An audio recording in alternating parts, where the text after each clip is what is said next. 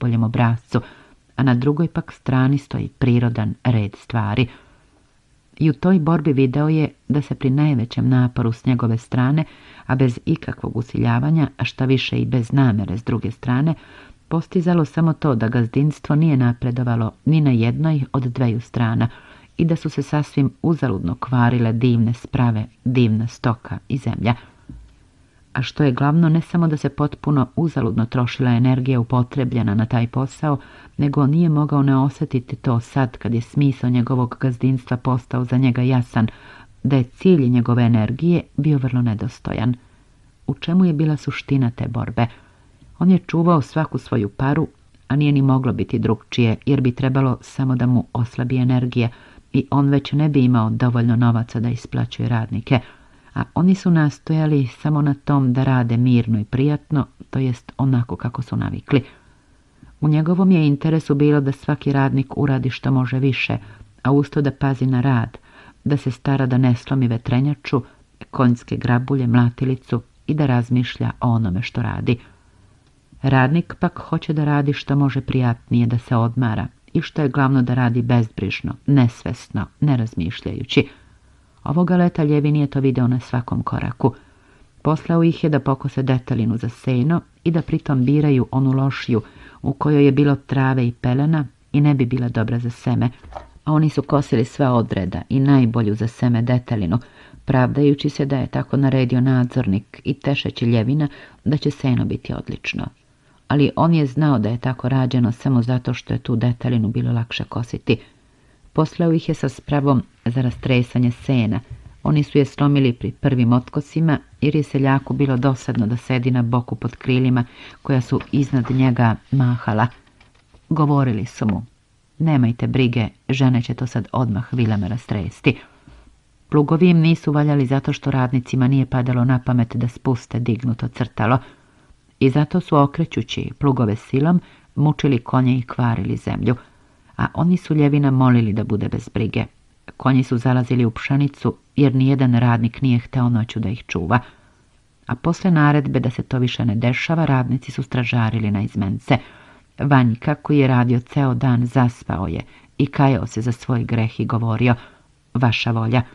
Tri najbolje junice su prehranili jer su ih pre nego što su ih napojili pustili na detalinsku otavu, ali nikako nisu hteli da veruju da su se krave od na nadule, nego su pričali kao za utehu da je susedu za tri dana manjkalo 112 grla. Sve se to radilo ne zato što je neko želeo zloljevinu i njegovu gazdinstvu.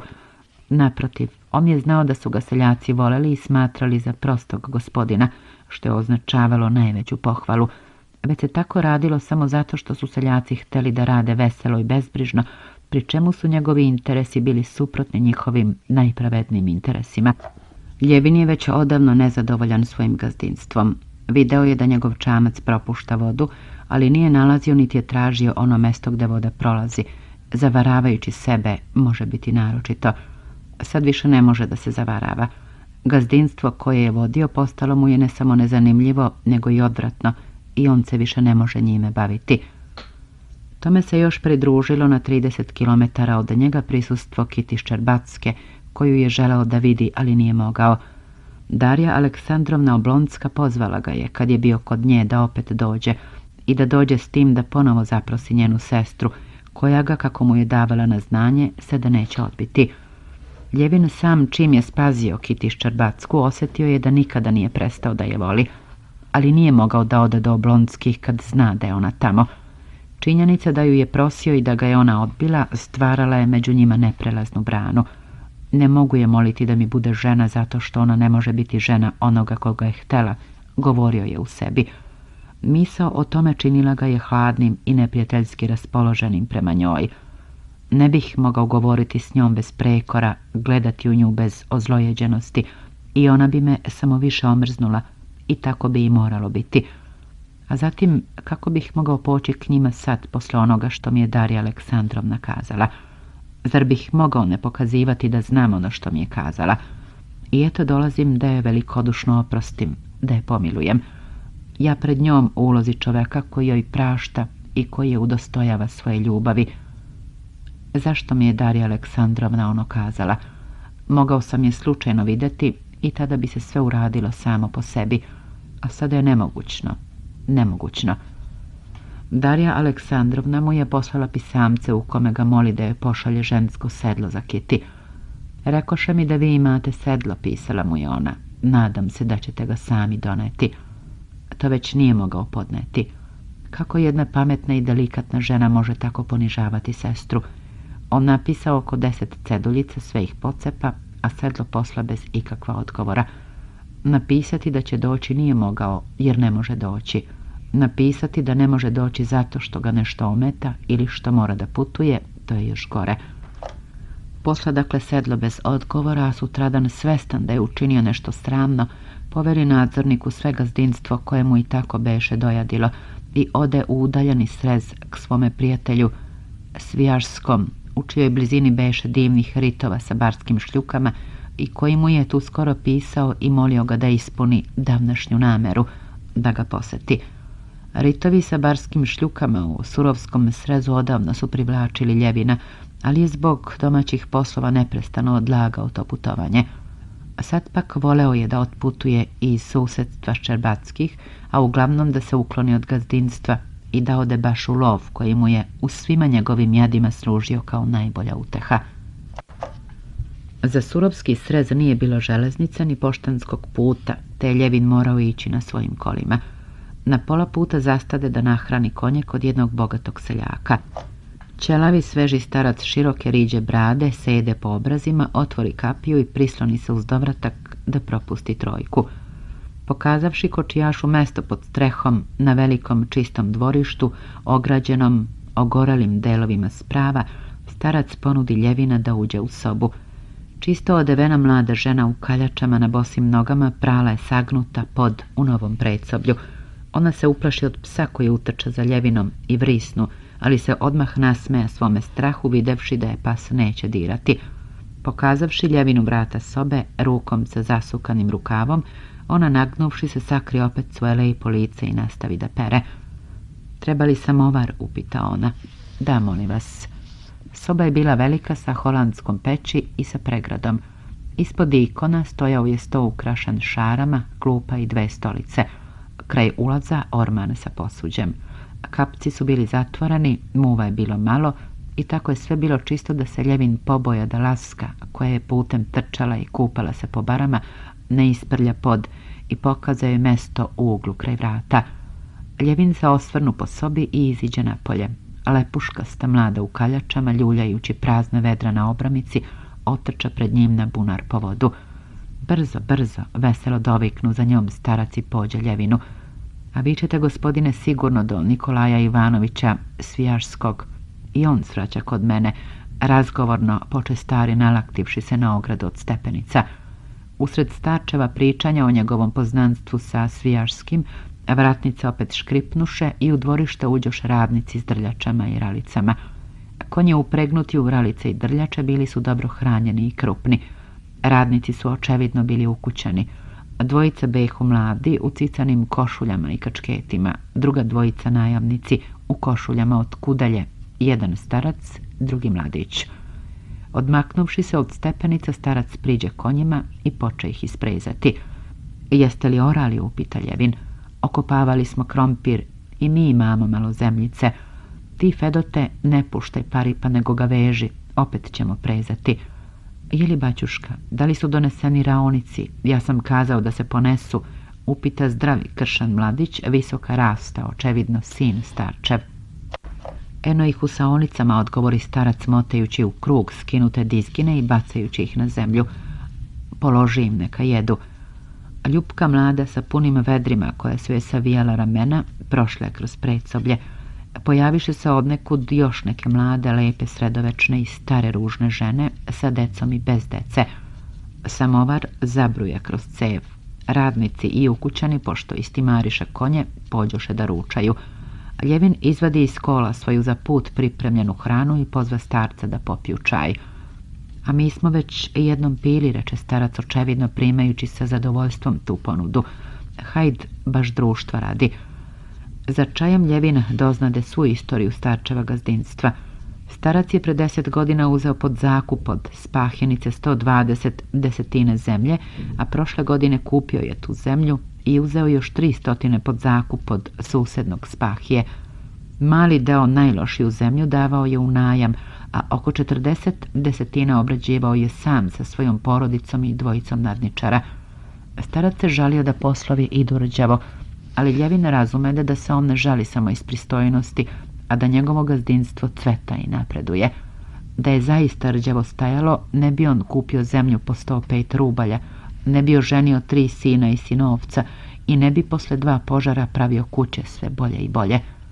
Bez obzira na starčevo bajkanje videlo se da se on s pravom ponosi svojim blagostanjem, svojim sinovima i sinovcem, snahama, konjima, kravama, a osobito time što se celo to gazdinstvo drži. Iz razgovora sa starcem Ljevin saznade da starac nije ni protiv novih običaja. On je sejao mnogo krompira i njegov krompir koji je Ljevin usput video već je bio procvetao i uzrevao dok je kod Ljevina tek počeo cvetati. Stari je zemlju za krompir porao pomoću pluge, kako je on nazivao plug, uzete na poslugu od spahije. Sejao je i pšenicu jedna sitnica o tome kako je pleveći raž, starac opljebljenom raži, hranio konja osobito iznenadi ljevina, a koliko je puta on, ljevin, videći kako propada ta divna stočna hrana, hteo da je skuplja, ali se to uvek pokazivalo nemogućno.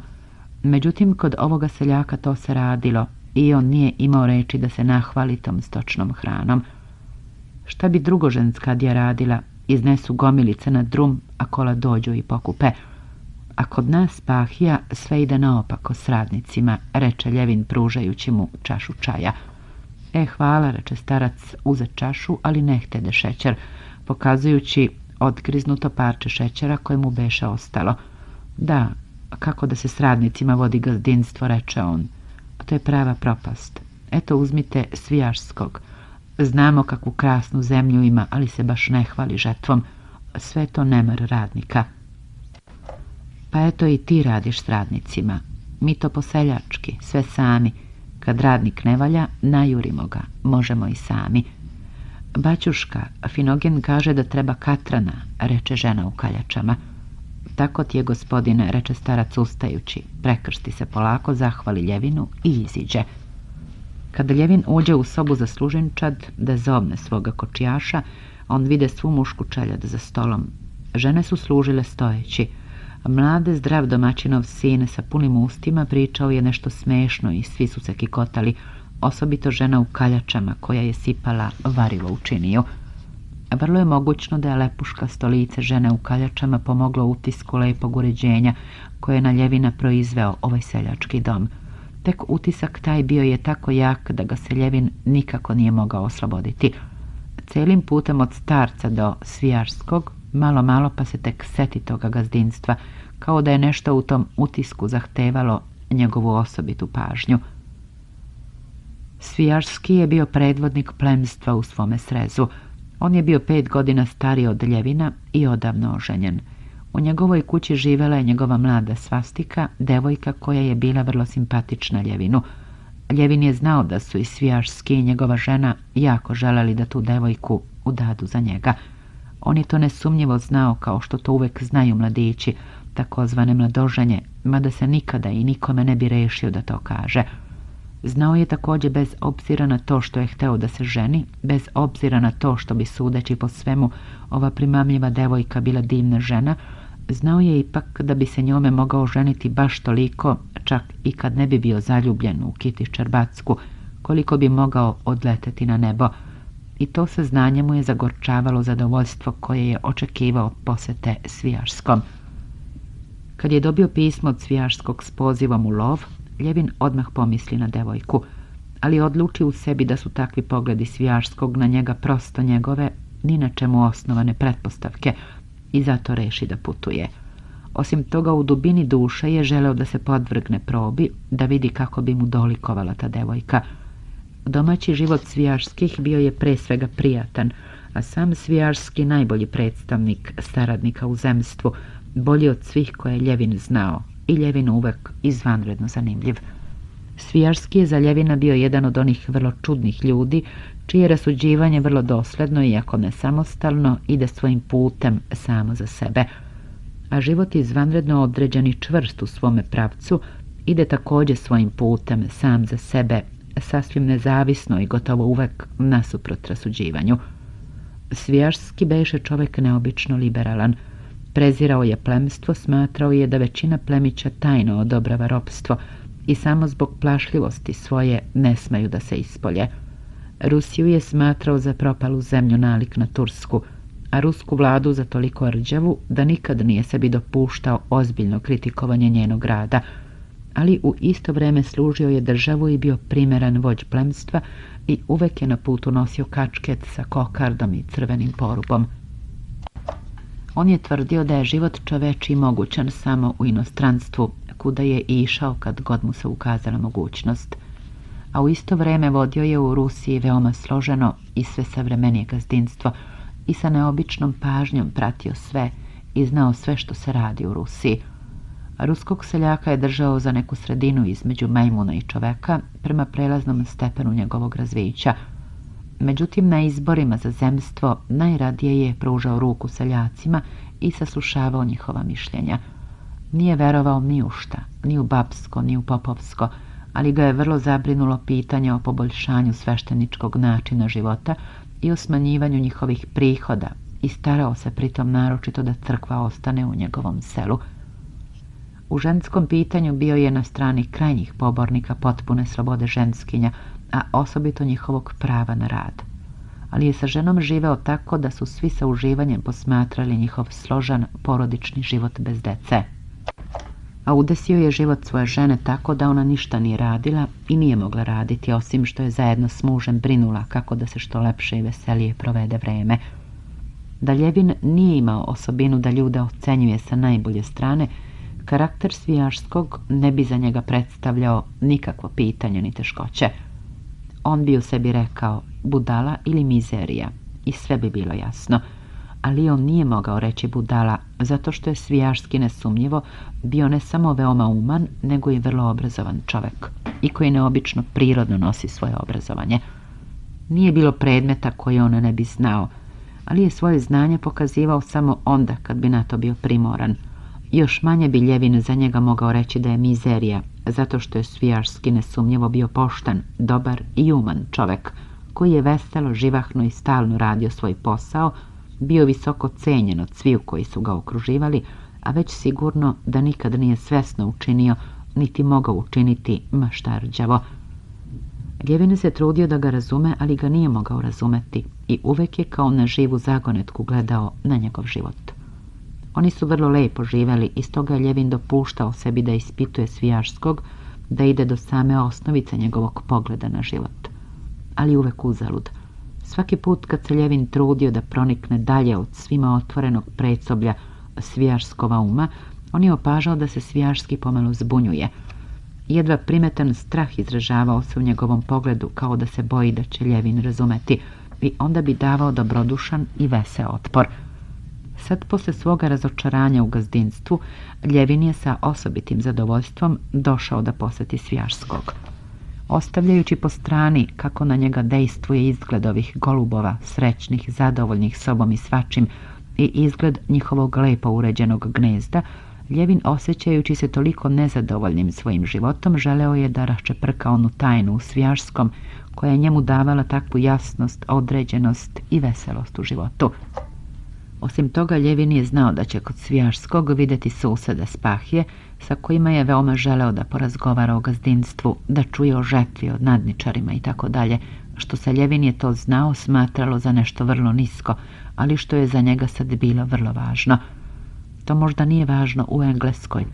U oba slučaja uslovi su određeni, ali kod nas sada kad se sve ispreturalo i tek počelo da se sređuje pitanje o tome kako će se ti uslovi složiti jedno je od najvažnijih pitanja u Rusiji, mislio je Ljevin. Lov je ispao gore nego što je Ljevin očekivao. Ritovi osušani, šljuka uopšte nije bilo. Švrljao je celoga dana i odneo samo tri komada, ali je zato kao i uvek doneo izlova odličan apetit, odlično raspoloženje i ono nadraženo umno stanje koje je uvek pratilo njegova jaka fizička kretanja – i u lovu kada, kako se činilo, ni o čemu nije mislio, malo malo pa bi se tek opet setio starca sa njegovom porodicom.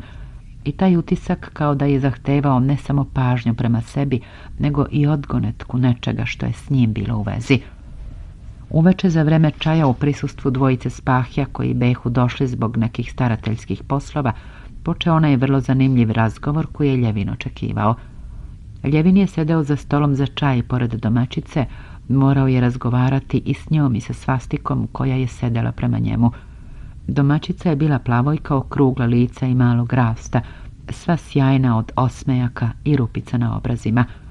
Ljevin se starao da preko nje dođe do rešenja one za njega važne zagonetke koju je predstavljao njen muž, ali nije imao potpunu slobodu misli jer mu je bilo mučno, neprijatno. Bilo mu je neprijetno zato što je prema njemu sedela svastika u naročito i kako mu se činilo zbog njega obučenoj haljini sa naročitim u obliku trapeza izrezanim otvorom na belim grudima. Taj četvrougaoni izrez bez obzira na to što su grudi bile vrlo bele ili naročito zato što su bile vrlo bele, oduzimao je ljevinu slobodu misli. On je razmišljao verovatno pogrešno da je taj izrez napravljen radi njega, i smatrao da nema prava da gleda u njega i trudio se da ga ne gleda, ali je osjećao da je kriv već i samim tim što je izraz načinjen. Ljevinu se činilo kao da nekoga obmanjuje, da treba da objasni nešto, ali da se to nikako ne može objasniti i stoga je neprestano crveneo, bio uznemiren i nespretan. A njegova zbunjenost prelazila je na lepuškastu svastiku. Ali domaćica kao da to nije opažala, pa je sestru naročito uvlačila u razgovor – vi kažete, nastavi domaćica započeti razgovor, da moga muža ne može interesovati ništa što je rusko. Naprotiv, on je do duše veseo i u inostranstvu, ali nikad tako kao ovde. Ovde se on osjeća u svojoj atmosferi. On ima mnogo posla, a ustoji dar da se svačim interesuje. Ah, vi niste bili u našoj školi. Video sam, to je kućica obrasla bršljanom. Da, to je Nastin posao, reče ona pokazujući na sestru. Zar vi sami predajete, upita Ljevin starajući se da gleda mimo izreza, ali osjećajući da će, makuda gleda u tom pravcu, ipak vidjeti izrez. Jest, ja sam sama predavala i predajem, ali imamo i odličnu učiteljicu. Uveli smo i gimnastiku. Ne hvala, ne mogu više čaja, reče osjećajući da se ponaša neučtivo, ali nemajući snage da nastavi razgovor, zarumeni se i ustade. Čujem vrlo zanimljiv razgovor, dodade on i priđe drugom kraju stola gdje je sedeo domaćin sa dvojicom spahija. Svijarski, bokom oslonjen, sedeo je za stolom i nalakčenom rukom okretao šolju, a drugom rukom skupljao bradu u šaku, podnosio je podnos i opet puštao, kao da je miriše. On je sjajnim crnim očima gledao pravu spahiju sa sedim brkovima koji se žestio i očevidno nalazio zabave u spahijinim rečima – Spahija se žalio na narod. Za Ljevina je bilo jasno da Svijaški zna odgovor na Spahijine žalbe, takav koji bi odjednom uništio sav smisao njegovih reči, ali da po svome položaju domaćina ne može tako odgovoriti i samo sluša sa izvesnim zadovoljstvom komičan govor Spahijin. Spahija sa sedim brkovima bio je očevidno zatucan pobornik ropstva i strastan poljoprivrednik koji nije izbijao iz sela – te znake Ljevin je video i u odelu starinskom pohabanom redengotu na koji videlo se spahja nije navikao i u njegovim pametnim natmurenim očima i u skladnom govoru i u dugom navikom prisvojenom zapovedničkom tonu i u odlučnim pokretima velikih lepih preplanulih ruku sa starom burmom na domalom prstu. Samo kad mi ne bi bilo žao da ostavim sve što sam uradio, mnogo sam truda uložio. Digao bih ruke od svega, prodao bih sve i otišao bih kao Nikola Ivanović da slušam lepu jelenu, reče Spahija sa prijatnim osmejkom koji obasja njegovo staro pametno lice. Ali eto, ne ostavljate, reče Nikola Ivanović svijaški, znači da imate računa. Jedini račun je što živim u svojoj kući i ne kupujem namirnice. I još to što se neprestano nadaš da će se narod opametiti. A inače, verujete li, ovo pijančenje, ova raspuštenost. Svi se izdelili, nigde ni konja ni krave. Skapava od gladi, a kad ga uzmeš da ti radi, gleda samo da te ošteti i još hoće da te tuži. Pa i vi ćete se žaliti mirovnom sudi, reče Svijaški. Ja da se tužim, ni za šta na svetu. Nastale bi takve priče oko toga da bih se sto puta pokajao. Eto u fabrici uzeli ljudi kaparu i otišli. A šta je uradio sudija? Opravdao ih sve se još nekako drži zahvaljujući jedino opštinskom sudu i kmetu. Taj ti ga lepo izdeveta onako po starinski, a kad i toga ne bi bilo, zlo i naopako, beži na kraj sveta. Spahija je očevidno dražio Svijaškog, ali ovaj ne samo da se nije srdio, nego se jasno je bilo zabavljao time. Ali eto, vodimo gazdinstvo i bez takvih mera, reče on smešeći se. Ja, Ljevin, i on, i pokazana na drugog Spahiju. Jest, kod Mihajla Petrovića ide, ali pitajte kako. Zar je to racionalno gazdinstvo? Reče Spahija, očevidno razmećući se rečju racionalno. Moje je gazdinstvo prosto, reče Mihajlo Petrović. Hvala Bogu. Sve moje gazdinstvo sastoji se u tome da na jesen bude spreman novac za porez. Dolaze seljaci i mole. Baćuška, oče, pomozi. Šta ćeš svoji ljudi, komšije, seljaci, pa ti je žao daš im na prvu trećinu i samo kažeš Pazite, deco, ja sam vama pomogao i vi ćete meni pomoći kad zatreba u sejanju ovca, u kosidbi, pri žetvi i ugovoriš pokoliko njih da ti dođu iz kuće. Ima i među njima nesavesnih, to je istina. Znajući odavno za taj patriarhalni način, Ljevin se zagledno sa Svijašskim i prekide Mihajla Petrovića obraćajući se opet Spahi sa Brkovima. Dakle, šta vi mislite, upita on, kako sad treba voditi gazdinstvo? Pa tako kao i Mihajlo Petrović, ili dati u napolicu ili pod zakup seljacima. Tako se radi, ali se time satire opšte bogatstvo države. Zemlja koja mi je za vreme seljačkog ropstva i dobrog gazdovanja davala devetostruki prihod, ta zemlja u Napolicu data daje samo jednu trećinu od toga. Rusiju je upropastila emancipacija. Svijarski pogleda u Ljevina nasmejanim očima i čak mu dade jedva primetan podrugljiv znak. Ali Ljevin nije nalazio ničega smešnog u spahinim rečima. On ih je bolje razumevao nego što je razumevao Svijarskoga.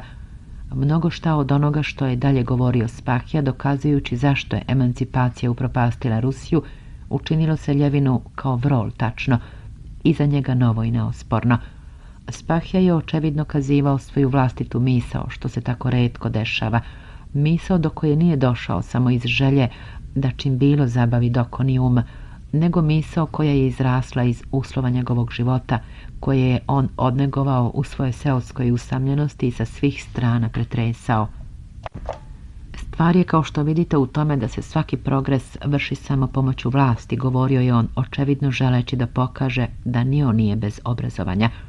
Uzmite reforme Petra Katarine Aleksandra, uzmite evropsku istoriju, sve veći progres u zemljoradnji, recimo krompir, i on je kod nas uveden silom, pa i ralicom nisu uvek orali, i nju su uveli može biti za vreme oblasnih kneževa, ali je nasigurno uvedena silom.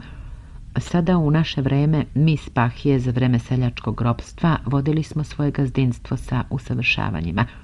Sušnice, vetrenjače, prevoz, đubreta, svakoja kao ruđa i sve smo to mi uvodili svojom vlašću. Seljaci su se u prvo vreme protivili, a posle su počeli da nas podržavaju. Sad pak kad je ukinuto ropstvo, oduzeta nam je vlast, te se i naše gazdinstvo podignuto do visokog stepena moralo spustiti do divljeg prvobitnog stanja. Tako ja razumem. Ali zašto? Ako je gazdinstvo racionalno, vi ćete ga pomoću najma uspešno voditi, reče Svijaški. Vlasti nema. Sa kakvom snagom da ga vodim, dozvolite da upitam. A, tu smo. Radnička snaga, glavni element gazdinstva, pomisli Ljevin. Radničkom snagom. Radnici neće da rade dobro i dobrim spravama. Naš radnik zna samo jedno, da se napije kao svinja i da pijan pokvari sve što mu date. Napojiće umorne konje i skidaće će nove i dobre amove, će šinu sa točka i popiće je, pustit će klinu vršalicu samo da je slomije. Odvratno mu je da gleda sve što nije po njegovom, zbog toga je i pao nivo gazdinstva. Zemlja je zapuštena, obrasla pelenom ili razdata seljacima i gde se nekad proizvodio milion, sad se proizvodi stotina hiljada četvrtina. Opšte bogatstvo je opalo, moglo se učiniti što je učinjeno, ali s računom –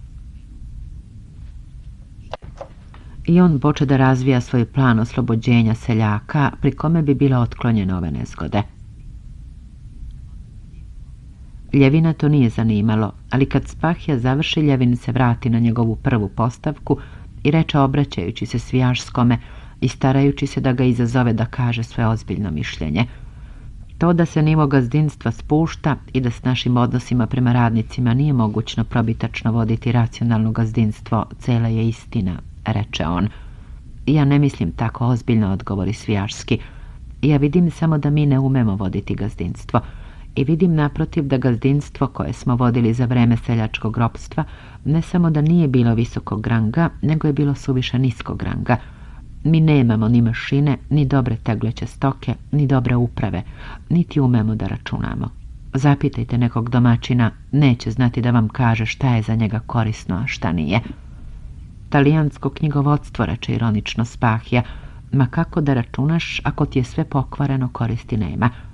Kako pokvareno, slomit će vašu tričavu mlatilicu i vašu rusku mlataču, a moju parnu mlatilicu neće slomiti. Ruskog konjića, kako ono beše, toskanskog soja, što se tegli za rep, mogu vam upropastiti, ali uvedite peršerone ili bar bićuke, njih neće upropastiti. Napomena naročite vrste dobrih ruskih konja. Kraj napomene. I tako sve. Mi treba jače da podižemo gazdinstvo. Kad bi se imalo čim, Nikolaju Ivanoviću, vama je lako, a ja sina na univerzitetu izdržavam, drugu decu po gimnazijama školuj, a kako onda da kupim pešerone? Zato su banke. Da i posljednje što imam prodadu na doboš, hvala lepo.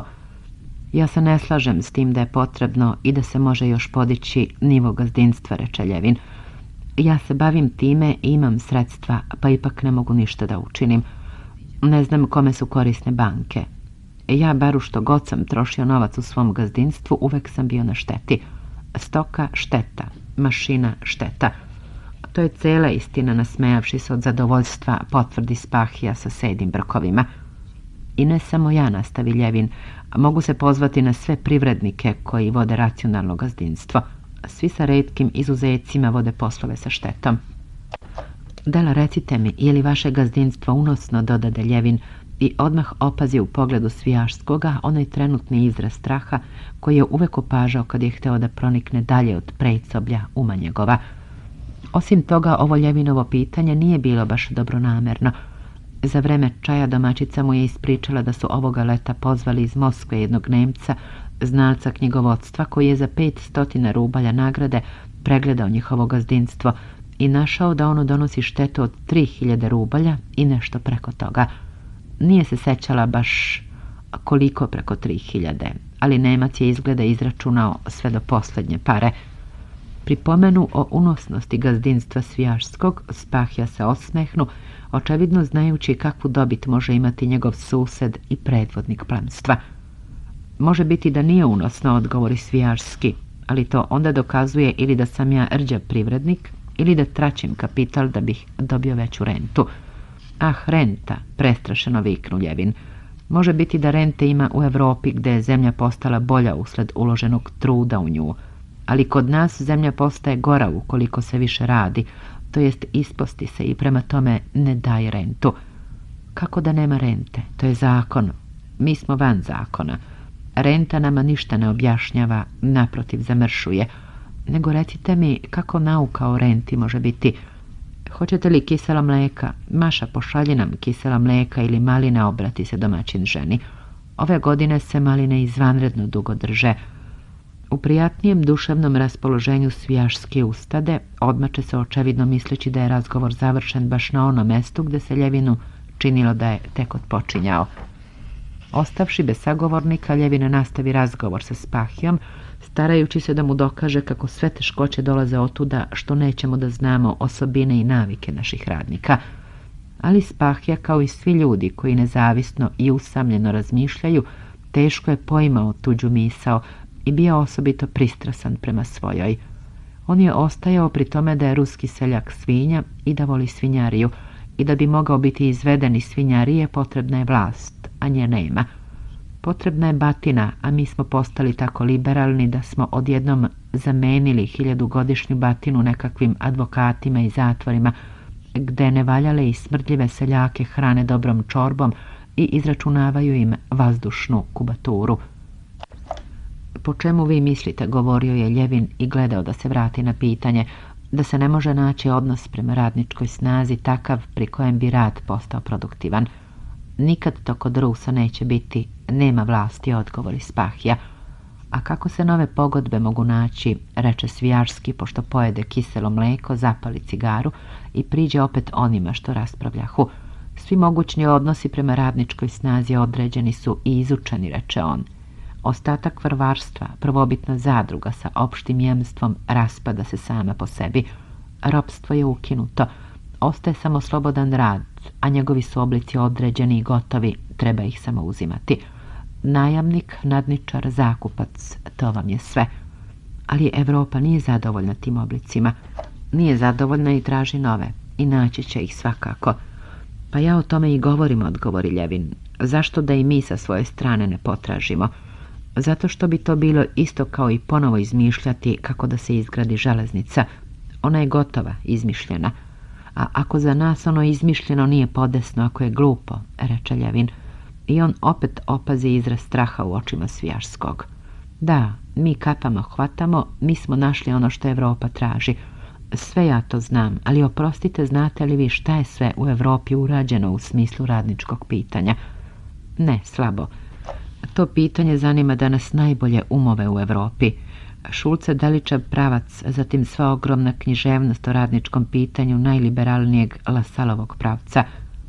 Milhausenska uredba, to je već fakt, vi sigurno znate. Znam nešto, ali vrlo nejasno. Vi samo tako kažete, a sigurno znate isto toliko koliko i ja. Ja razume se nisam profesor sociologije, ali me je to zanimalo, i ako sad i vas zanima, pozabavite se tim pitanjem. Od čega su svi oni došli? Oprostite, je ustadoše, a Svijaški pođe da isprati goste. I tako opet zaustavi Ljevina u njegovoj nezgodnoj navici da zaviruje u ono što je iza predsoblja Svijaškova uma. Ljevinu je toga večera bilo neizdržljivo dosadno s damama.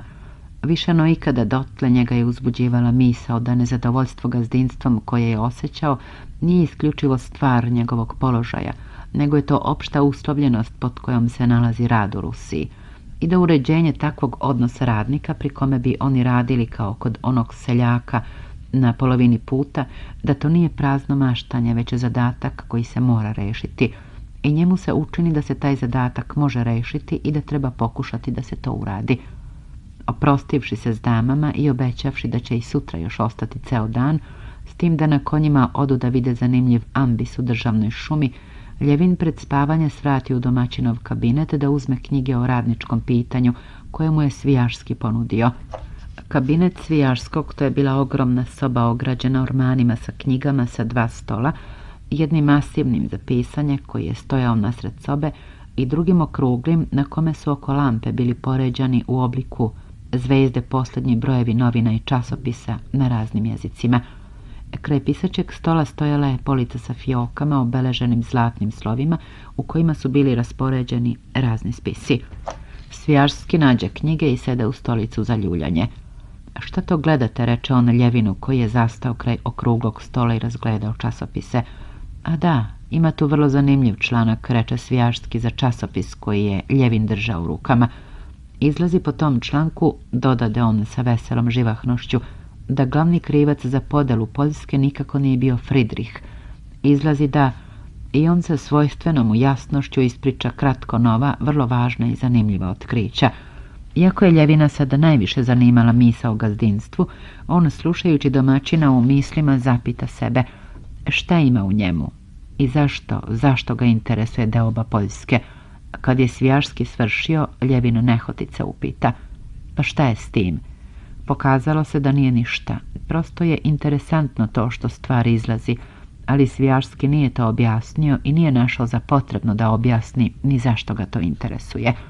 Da, a mene je veoma interesovao srditi spahja, reče Ljevin uzdahnuvši. To je pametan čovek i mnogo istine kazao. Ah, ostavite, okorali tajni pobornik ropstva kao što su svi oni, reče Svijarski.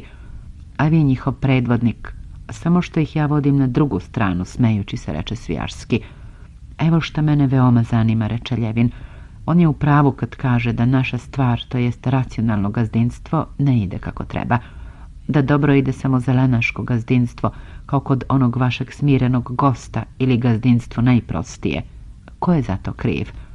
Razume se, mi sami, a zatim nije istina da racionalno gazdinstvo ne napreduje.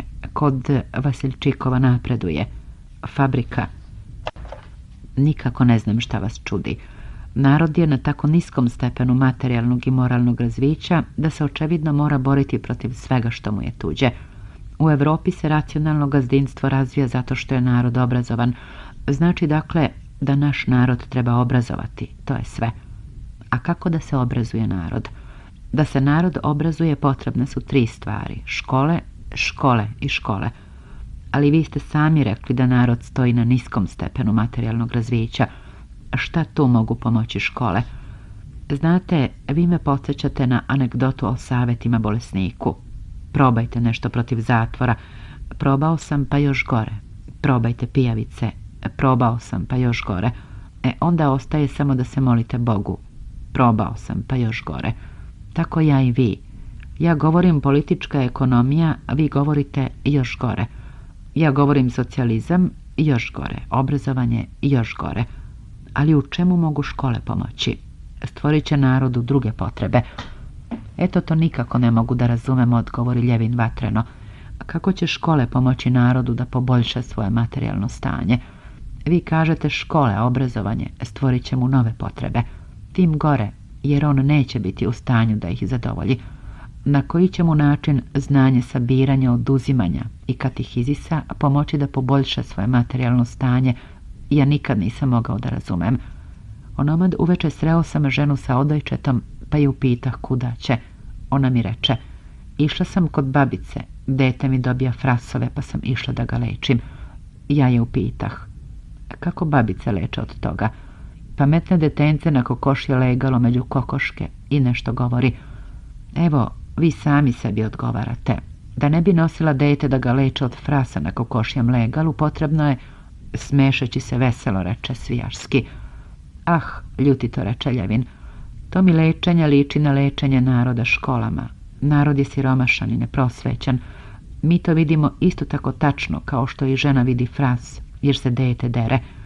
Ali kako će to i nevolji sirotinji i neprosvećenosti pomoći škole?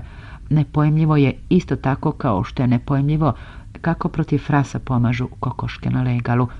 Treba pomoći onamo gdje se krije uzrok siromaštva. E, tu se bar slažete sa Spencerom, koga inače ne volite. On govori također da obrazovanje može biti tek posljedica većeg blagostanja i udobnosti života posljedica čestih umivanja i pranja, kako on kaže, a nikako ne posljedica čitanja i računanja.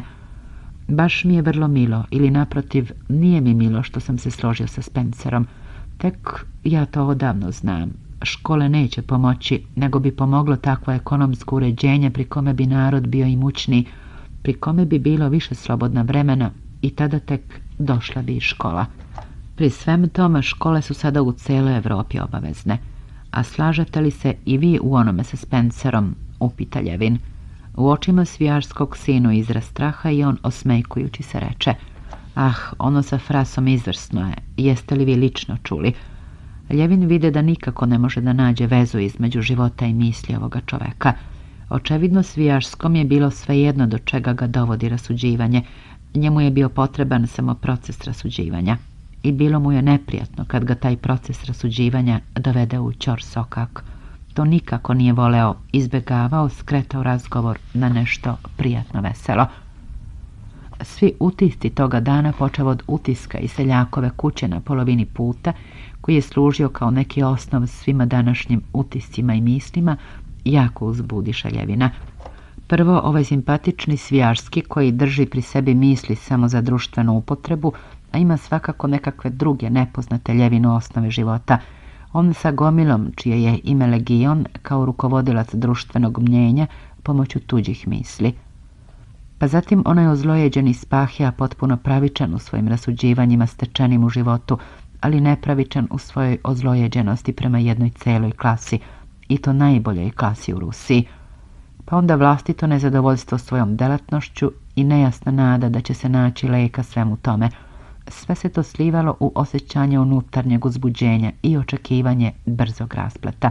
Ostavši sam u određenoj mu sobi i ležeći na postelji sa oprugama koje su ga ljuljale neočekivano pri svakom pokretu njegovih ruku i nogu, Ljevin dugo nije mogao da zaspi.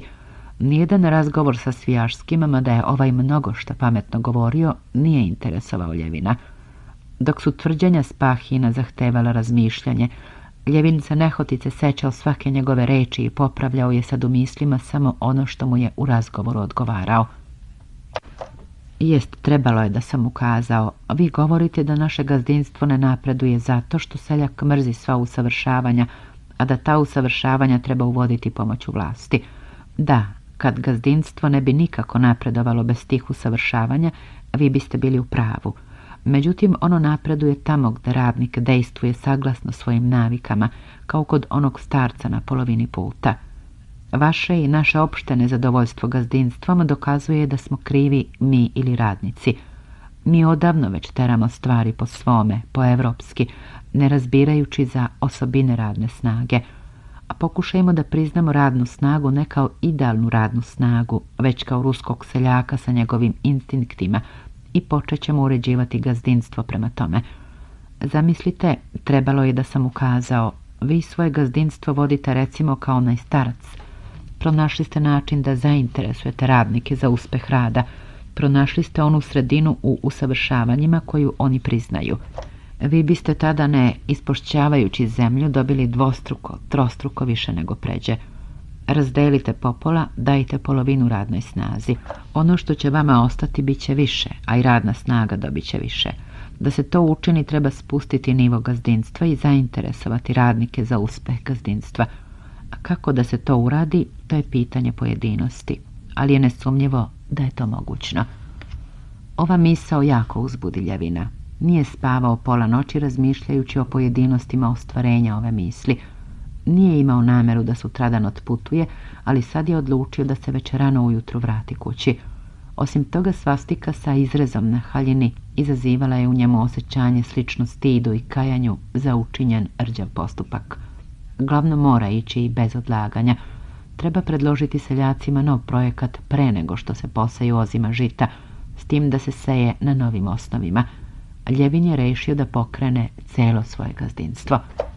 Izvršenje Ljevinova plana imalo je mnogo teškoća, ali on se borio koliko je imao snage i postigao je, iako ne ono što je želeo, bar to da je mogao nezavaravajući se verovati da ta stvar vredi da se na njoj radi. Jedna od glavnih teškoća bila je u tome što nije bilo mogućno sve zaustaviti i otpočeti iznova, nego je trebalo premeštati mašinu u samom kretanju – kad je onog večera po povratku kući saopštio nadzorniku svoje planove, nadzornik se s očitim zadovoljstvom složio s onim delom govora koji je pokazivao da je sve što se dosad radilo bilo glupo i neunosno. Nadzornik reče da on odavno već govori o tome, ali ga niko ne sluša.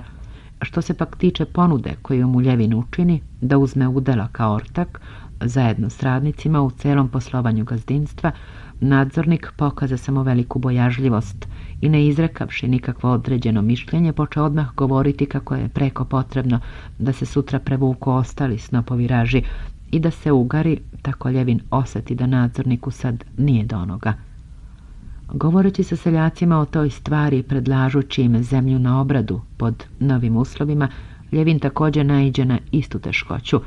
Zauzeti su tekućim radovima, nemaju kad da porazmisle da li će imati kakve koristi od toga poduhvata. Bezazleni seljak Ivan Stočar kao da je potpuno razumeo Ljevinovu ponudu da sa porodicom uzme učešća u koristima od stoke i potpuno se slagao s tim predlogom. Ali kad ga je Ljevin počeo uveravati o budućim koristima, na licu Ivanovu izrazi se uznemirenost i sažaljenje što ne može da sasluša sve do kraja. Žurno pronađe nekakav posao koji se nije mogao odlagati, da izbaci vilama seno iz štale, da donese vode, da pokupi đubre. Druga teškoća bila je u nesavladljivom nepoverenju seljaka da bi Spahija ikada mogao imati kakvu drugu svrhu osim želje da ih što više odare. Oni su bili tvrdo uvereni da je njegova prava svrha, ma šta im govorio, uvek u onome što on neće pred njima kazati. I oni sami izjašnjavajući se govorili su mnogo, ali nikad nisu kazali ono u čemu je prava njihova svrha. Osim toga, Ljevin je osjećao da je ogorčen Spahija bio u pravu, Seljaci su kao prvi neizmenljivi uslov za makakav sporazum stavljali želju da ih ne nagone ni na kakve nove načine gazdinstva i na upotrebu novih oruđa. Oni su priznavali da plug bolja ore, da kultivator radi uspešnije, ali su nalazili stotine razloga zašto ne mogu upotrebljavati ni jedno ni drugo. I mada je on Ljevin bio uveren da nivo gazdinstva treba spustiti, ipak mu je bilo žao da se odreče savršenijih oruđa od kojih je korist bila tako očigledna. Ali bez obzira na sve te teškoće, on je ipak protorio svoje gledište i s je posao dobro počeo, ili se bar njemu tako činilo. U prvo vreme Ljevin je mislio da celo svoje gazdinstvo kako stoji pred aseljacima, radnicima i nadzorniku, ali se vrlo brzo uverio da je to nemogućno i rešio se da izdeli gazdinstvo. Stočno dvorište, vrt, voćnjak, livade, njive podeljeni na nekoliko delova trebalo je da budu zasebni delovi. Bezazljani Ivan Stočar, koji je, kako se Ljevinu učinilo, najbolje razumeo stvar, sastavio je zadrugu poglavito od svoje porodice i postao učesnik u radu sa stokom. Udaljeno polje koje već osam godina leži zapušteno, uzeše uz pripomoć pametnog drvodelje Fjodora Rjezunova, šest seljačkih porodica pod novim pogodbama. Seljak Šurajev uze pod istim uslovima sa Baštovanluk. Ostalo još ostade po starom, ali ova tri dela bila su početak novog uređenja i zauzeše svu Ljevinovu pažnju. Istina, u stočnom dvorištu posao nije išao bolje nego pre. Ivan se jako protivio toplim štalama za krave i proizvodnji butara, tvrdeći da kravama na hladnoći manje treba hrane, i da je kajmak izdašniji. Tražio je platu kao i pređe i nikako nije razmišljao o tome da novac što ga dobije nije plata, nego davanje unapred udala u dobiti. Istina, družina Fjodora Rezunova nije porala njivu plugom pred sejanje uzduži popreko, kao što je bilo ugovoreno, a pravdala se time da je vreme bilo kratko. Istina, seljaci iz ove družine, iako su se bili pogodili da posao rade na novoj osnovici, nazivali su tu zemlju ne zajedničkom, nego napoličnom i više puta su i seljaci te zadruge i sam Rijezunov govorili Ljevinu a kako bi bilo da vam damo novce za zemlju, pa ćete i vi biti mirniji i mi slobodni. Osim toga, seljaci su pod raznim izgovorima neprestano odgađali da na toj zemlji naprave s njima pogođenu štalu za stoku i pokriven deo guvna, sušnicu i otezali s tim do same zime. Istina, Šurajevi je htio da uzeti baštovan luk, razdali seljacima na manje delove. On je očevidno sasvim na traške i kako se činilo namerno na traške shvata uslove pod kojima mu je data zemlja. Istina, Ljevin je razgovarajući sa seljacima i objašnjavajući im sve koristi od posla, osjećao da seljaci slušaju samo pevanje njegova glasa, a pouzdano znaju samo to da ma šta on govorio, oni se neće dati prevariti – Naročito je to osjećao kad je razgovarao s najpametnijim od svojih seljaka, Rjezunovim, opažajući pritom igranje očiju kod Rjezunova, koje je jasno pokazivalo i ruganje ljevinu i tvrdu uverenost da ako neko i bude prevaren, to svakako neće biti on, Rjezunov. Ali bez obzira na sve to, Ljevin je smatrao da je stvar pošla i da će on vodeći računa i ostajući pri svome dokazati seljacima buduće koristi od takvog uređenja, i da će onda posao već sam po sebi ići. Ti poslovi zajedno sa ostalim gazdinstvom koje je ostalo u njegovim rukama zajedno sa kancelarijskim radom na svome delu, tako su bili zauzali celo letoljevinu da gotovo nije ni išao u lov. Krajem avgusta doznade da su Oblonski otišli u Moskvu, doznade to od njihovog momka koji je donao natrag sedla – Ljevin je osjećao da ne odgovorivši na pismo Darije Aleksandrovne, tom svojom neučtivošću koje se nije mogao bez da sećati, spalio sve svoje brodove i nikad više neće otići k njima. Isto je tako postupio i sa Svijašskim, otišao iz kuće bez zbogom. Ni k njima neće više ići. Sad mu je to bilo svejedno. Stvar novog uređenja gazdinstva zanimala ga je kako ga nikad ništa u životu nije zanimalo. Pročitao je knjige koje je uzeo od Svijaškog, nabavio ono što nije imao. Pročitao i političko-ekonomske i socijalističke knjige o tome predmetu. Ali kao što je i očekivao, nije našao ništa što bi se odnosilo na posao kakav je on preduzeo. U političko-ekonomskim knjigama, na primjer kod Mila, koga je na prvo mesto i vatreno izučavao, nadajući se svakog trenutka da nađe rješenje pitanja e, koja su ga zanimala, našao je samo iz uređenja europskog gazdinstva izvedene zakone, ali nikako nije mogao da uvidi zašto ti zakoni koji se ne mogu primijeniti na Rusiju treba da budu opšti. To isto je našao i u socijalističkim knjigama. Ili su to bile lepe ili neprimenjive fantazije kakvima se on zanosio još kao student. Ili ispravke i popravke onoga stanja stvari u koje je Europa dovedena, i sa kojim zemljoradnja u Rusiji nije imala ničega zajedničkog. Politička ekonomija govorila je zakoni po kojima se razvilo i razvija bogatstvo Europe jesu zakoni opšti i nesumnjivi. Socijalističko učenje govorilo je da razviće po tim zakonima vodi propasti, a ni jedno ni drugo nije davalo ne samo odgovora, nego ni najmanjeg je o tome šta da radi on, Ljevin, i svi ruski seljaci i zemljoposednici sa milionima svojih ruku i desetina zemlje, pa da gazdinstva budu što produktivnija za opšte blagostanje. Kad se već latio toga posla, on je savjesno čitao sve što se odnosilo na njegov predmet i nameravao da na jesen krene u inostranstvo da tamo na licu mesta prouči stvar, s tim da mu se po tome pitanju ne desi ono što mu se tako često dešavalo po raznim drugim pitanjima. A dešavalo se to – tek što počne razumevati misao sagovornika i izlagati svoju sobstvenu odjednom u dobace a Kaufman, a Jones, a Dubois, a Micheli vi ih niste čitali, pročitajte ih oni su razradili to pitanje on je sad jasno video da Kaufman i Micheli nemaju šta da mu kažu on je znao šta hoće Video je da Rusija ima lepu zemlju, dobre radnike i da u nekim slučajevima kao kod seljaka na polovini puta Radnici i zemlja proizvode mnogo. U većini pak slučajeva, kad se kapital primenjuje na evropski način, proizvode malo. I video da to dolazi samo otuda što radnici hoće da rade i rade dobro samo kad rade na svoj način i da taj otpor radnika nije ništa slučajno, već je nešto stalno što ima osnova u duhu naroda. Smatrao je da će se ruski narod, čiji je poziv da naseljava i obrađuje ogromne, nezauzete prostore, sve dotle dok sve te zemlje ne budu posednute, da će se svesno držati zato potrebnih načina i da ti načini nikako nisu tako rđavi kao što se to obično misli.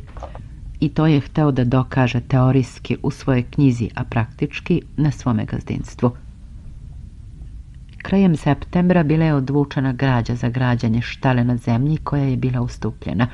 Kravlje maslo bilo je prodato i dobit podeljena – Gazdinstvo je u praksi išlo odlično ili se bar tako činilo Ljevinu.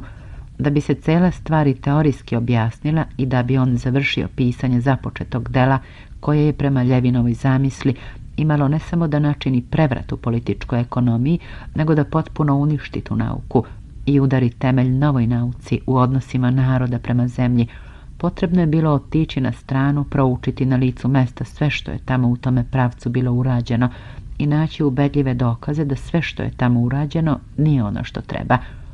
Ljevin je čekao da proda pšenicu, da uzme novac i krene u inostranstvo, ali počeše kiše i ne doše da se priberu zaostala žita i krompir. Obustaviše sve radove, pa čak i prodaju pšenice. Po putevima je bilo neprolazno blato i dve vodenice je odnela poplava. Vreme postajaše sve gore i gore. 30. septembra pojavi se izjutra sunce i Ljevino, nadajući se lepom vremenu, počeo odlučno da se sprema za put. Naredi da se izaspe pšenica, posla nadzornika kod trgovca da primi novac, a sam pođe da učini posljednje rasporede u gazdinstvu pred odlazak. Svršivši sve poslove sav mokar od kiše koja mu je po kožuhu curila čas za vrat, čas u sare od čizama, ali osjećajući bodro i uzbuđeno duševno stanje, Ljevin se uveče vraća u kući. Nepogoda međutim postade uveče još gora. Cigančići su tako jako šibali mokrog konja, koji je tresao glavom i ušima, da je morao ići po prečke. Ljevinu je pod bašlikom bilo dobro i on je veselo pogledao oko sebe. Čas na mutne potoke koji su jurili po kolovozima, a čas na kaplje koje su visile na svakoj ogoleloj grančici, čas na bele gomilice nerastopljenih cigančića po daskama mosta, časna sočno i još mesnato lišće parazita,